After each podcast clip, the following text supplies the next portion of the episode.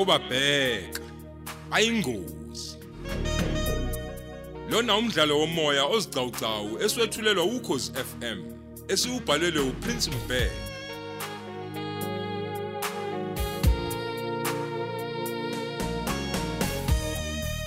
Yamukela isiqebu sethu samashumi amabili nantathu.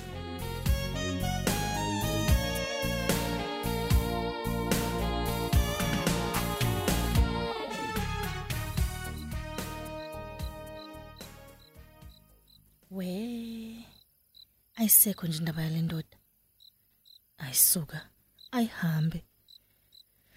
Mm, Indoda yami igula ngempela. Indaba nje inesifuba. Ayisimbambile bandla. Eish, kaza ngavuma yini umbongeni uma ngathi akaphuthumelana. No, angamehlulela ngizwe ngaye. Awuthi ngivele ngimfonele nje kusashisa manje.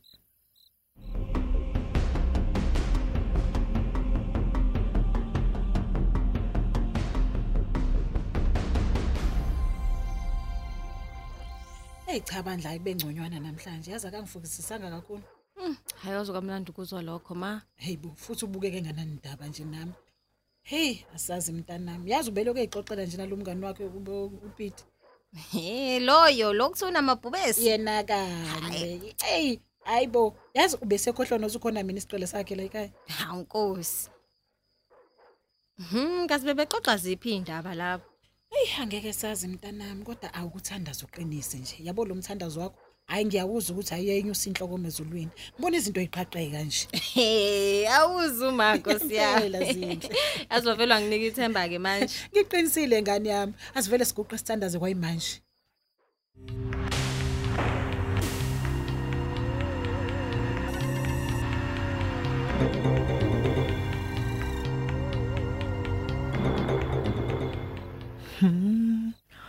Umbongeni uhlakaniphile. Uzitshela ukuthi ukubhenge lokhozi ukufa. Ey, waxhuma uhafu umuntu umuntu exhuma nogodo ekubona ukufa kulapha phambi kwakhe. Ey, kodwa nami bengithatha amashansi nje ngilolwe lesilimo esingafuni ukuze lapha. Hayi, akusenani kodwa. Umuntu uyabuyela vele emsebenzini ngizombona khona umbongeni.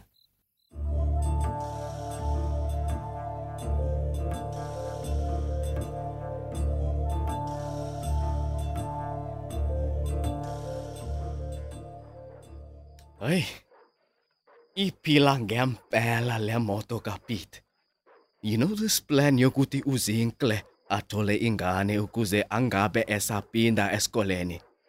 Angifune umuntu mina ozongisebenzela ngoba ekalelwa ingane.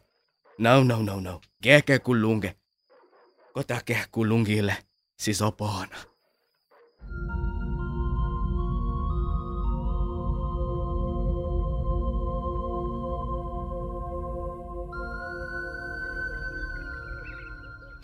Hey hey shame siyagijima nezikhathi Hey, usathi uyalula igazi nje. Hey. Ubonekela ngaseligcwele indlu yonke. Hey. hawe ma Yes. ungikhumbuza yazi ngixoxela iphupho lami mase ngibuyela esikoleni yazi Oh hayi kulungile ngizokukhumbuza ngani yami. he engabe umalcolm sevulile yini esangweni Ah kufanele ukuthi usevulile yazi ngeke ngambona iyaluza lapha eminyango. oh hayi hey kulungile-ke ma uyobonana mase ngibuye bye bye Hayi kulungile ngani yami hambe kahle. Hey. Kasiphupheni lengane webantu. Hey. Umuntu ufunda azafe ngempela inkosi impela.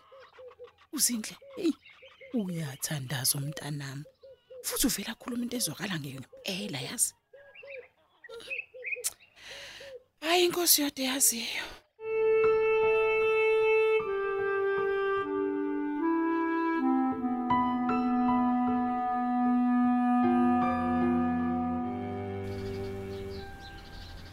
Gulugulu wami kanti umbongeni uyiphoyisa. Sengize ngamtshela wonke amagama ma Mm, mm, mm.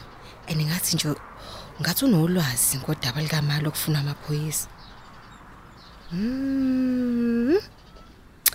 hayi uma kunjalo nje kusho ukuthi hayi ngisenkingeni. Oh he jehova. Uyalazi lonke usizi lwami ngingethula ubani kodwa ngaphandle kwakho nkosi?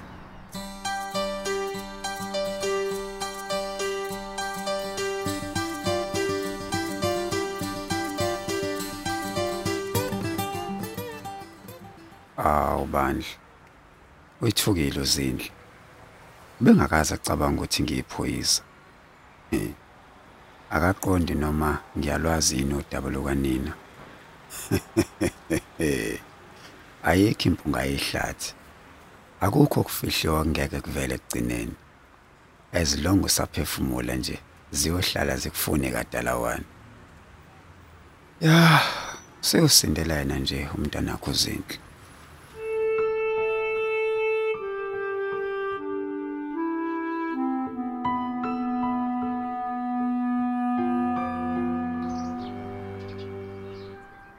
hayi sengibuya khona-ke kukapteni mayelana nodaba lwaseplazini Oh ya ya. Manje ubona kanjani ke yena? Uthi kulungile uthi kiwe khona? Hayi impela kabanganayo inkinga futhi ubonge nje kakhulu ngokuveza lo mbono. Mm okay.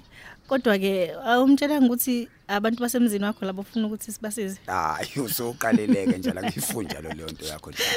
Hayi Hhayi, sukawu angithandi. awumtshela kangani yini bosabani? Hawu. Hayi bo, hawu. Imake manje nivumelana ngokuthi kiwe ninike lapha eplazini? Hayi ngithe kuyena uzozwa ngami mayelana nosuku ukuthi-ke iluphi. Hayi uqinisileke lapho phoyisa. Yeah. ukutetazela kufuneki vele kuyazona izinto. Noma kunjalo phoyisa mina ngijahe nje ukuba kukhulule laba bantu. Ngoba nje kuyefana nokuthi basejele komanje eyi nkosi yami yabona kona uma ngizwe indlela nje oboyichaza ngayo leya ndaba? Yeah. ayi kubi kakhulu mfana kufanele ukuthi kusheshe kuhanjwe. Ya iqiniso lelo. Eyi yazi awungisize la phoyisa. Ya. Ngifuna umuzi odayisayo ngokukhulu ukushesha. Awu yini ndaba kwase kushesha kangaka? Hawu angithi phela nginohlelo lokuthi siye eplazini sebenayo indawo yokuhlala engaphandle kweplaza Mm. isona sizathu leso kodwa yazi mina bengizothini bengizothi mina asiye kophenya lo mlungu bese ekhona laphayana abasebenzi Okay. khona sozo novo lwabo nabo ngoba masiya laphayana umlungu esesele yedwa kuningi okungenzeka okungaba ngaphezu kwethu mhlambe ke nje futhi naye umlungu lwavela ashaya utshani kwazi bani Mm. Hayi, uyakhuluma ke impela ke satsheni. Mm. Eh, kuyiqinisa ngempela izulu esithi kulele kunye ukube kubile ngabe kuyavusana njengoba sekuvusana nje manje.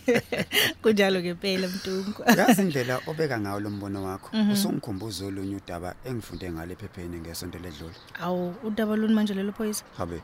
Ithi phela indaba ingaba nkulu ngabusazekela. iza nendaba phoyisa ingazibande Imake, awuzwanga ukuthi la epolice station eh kungena igebengu zifuna ibhamu ngodli kule police station. Ngiyakutshela. namangabongeni hayibo into eyenzeke kanjani nje leyo Hawu. Hayi ngeke kukhona ukushaya amanzi Imali. khona ushaya amanzi lapho Uma uthi khona ukushaya amanzi uqonda ukuthini? hayibo phoyisa amaphoyisa emaningi ngangaka hayi ngeke akukwazi manje a- akufanga umuntu ke nje kodwa Habe, ungafi umuntu kanjani? Ish. Uhlangana amaphoyisa negebengu. yo ngeke kungabi Nkosi umuntu umuntu yami. o- o- ofayo lapho Mm, mm, mm, mm. indaba ezibhlungu ke zithi ke iphoyisa lidutshile lashonela khona lapho hayibo Ayi. zona ike bengakufanga nje nesodwa nje nesodwa nje hawu lutho futhi bayithole zonke ke ibhamu kade beyifuna Mm. bawashawa qeda wonke amakhabethe bayithatha zonke ibhamu Yes, kade sis. zikhona phakathi. Hayibo mbongeni ngiyakutshela.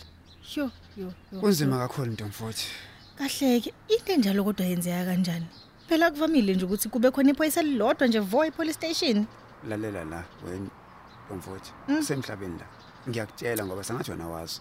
Iza nendaba phela. Awubakithi kumina nje kuyazidumela nje ikhanda. Ngakutshela. Futhi namanje ngisazokutshela. Kulo msebenzi esikuwona akusibona bonke abantu aba right futhi ke akubona bonke abantu abasebenza ndawonye ucothi ucothi bazwana wena. Abanye besebenza ndawonye abazwani. Mm, so ke into ebalekile mawula esiphoyiseni kufanele nibambisane nizwane nisizane omunye nomunye. Okwesibili ke lo msebenzi wokuphoyisa usetshenzwa ngabantu abayizigebengu isikhathi esiningi. Hayi kodwa uthi wonke amaphoyisa ayizigebengu. Kodwa nje Yani. kaningi hawu ugebengu suke bukhona lapho phakathi. Eish!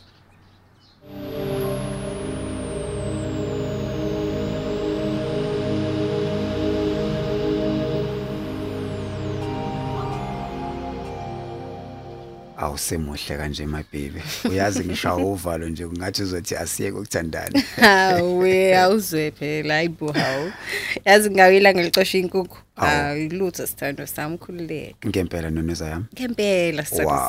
sami. Yabona nje Yeah. mina nawe esitikini kuyolamula igodi mbongeni eyi wanginika ithemba ke sithanda sami. Ngiyabonga ukuzwa amazwi avela kuwena. Amnandi kangaka. Awuthi ukucabuza nje ino yakho themba lenhliziyo yami. Awuphi- awuphinde futhi. Mwah, awu. Zinhle my baby. Ngiyakuthanda sweet awu nami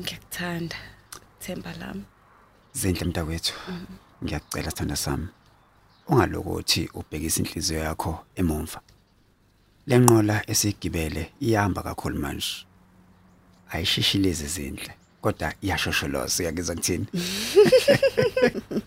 Hawu mzilikazi kaMashobane. wow imina ke nami ke ngizobe sengibiza wena kusasa ngiyakuthanda kakhulu sithanda sami.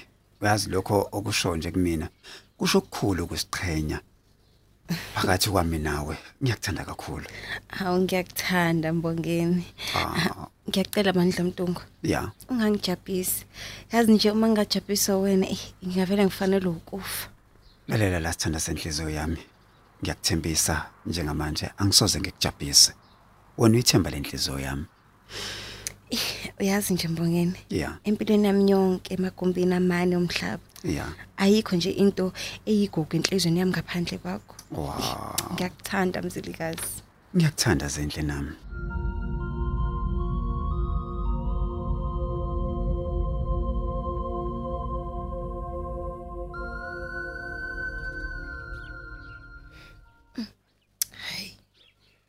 Kuba ngikho nje emhlabeni. Ngabe umakade azibulala. Kuyiqiniso phela ukuthi uma usecabangela mina nje. Mm, mm, mm, Hayi. Hey, ngcono ngoba nalamanzi asebilile. Sengizovela nje ngimenzele itiye aphuze.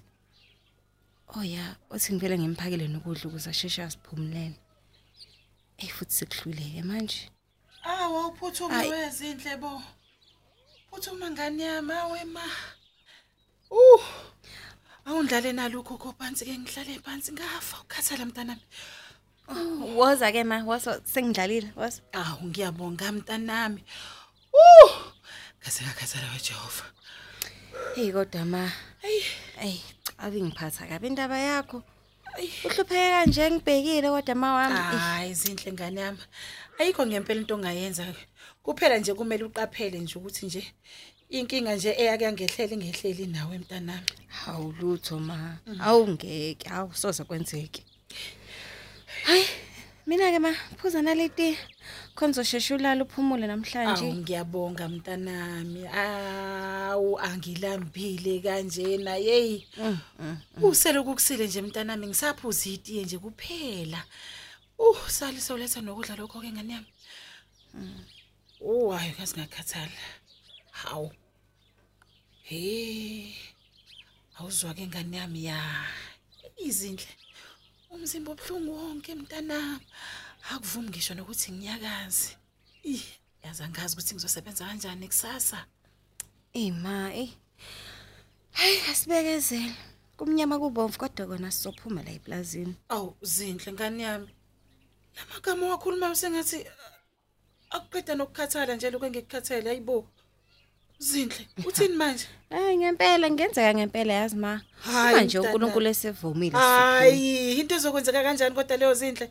Hehe, baki. Hayi khuluma zinhle, khuluma ukhululeke mntanami. Yisho nje uma u- sizo mhlambe sosizwa isoka lakho mhlambe ungangifihleli ngani yami. Akuyona into ongafihlela yona leyo mntanami, khuluma zinhle. Ey. Kona ma eh, kunjalo. Awuboni ke? Uyabona mina ngifuna umuntu okhuluma iqiniso mntanami. Hayi indaba yokuthi uloku ungifihlele ufihle hayi ngoba hayi mhm, mntanami ngayithola usenkingeni. Yebo ma. Mntanami uma udingezeleleko zami ke njengonyoko kufanele ngaso sonke isikhathi ukhulume iqiniso mntanami.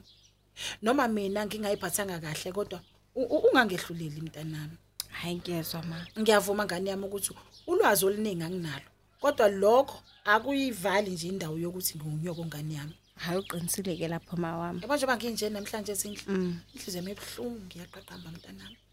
Ngiyisidwedwe nje nginjena. Isidwedwe esicela udaka mntanami. Esingenamsebenzi walutho zinhle. Mm. ma. Okubhlungu kunakho konke ke mntanami ukuthi sengizoze ngifa abazali bami bengazange baze ngisho isent elimnyama leli ngami. Aw, Nkosi yami. Kungaba ngcono ke mntanami. Ukuba ngihlupheka kanjena nje uNkulunkulu uwasula wonke amacala ami.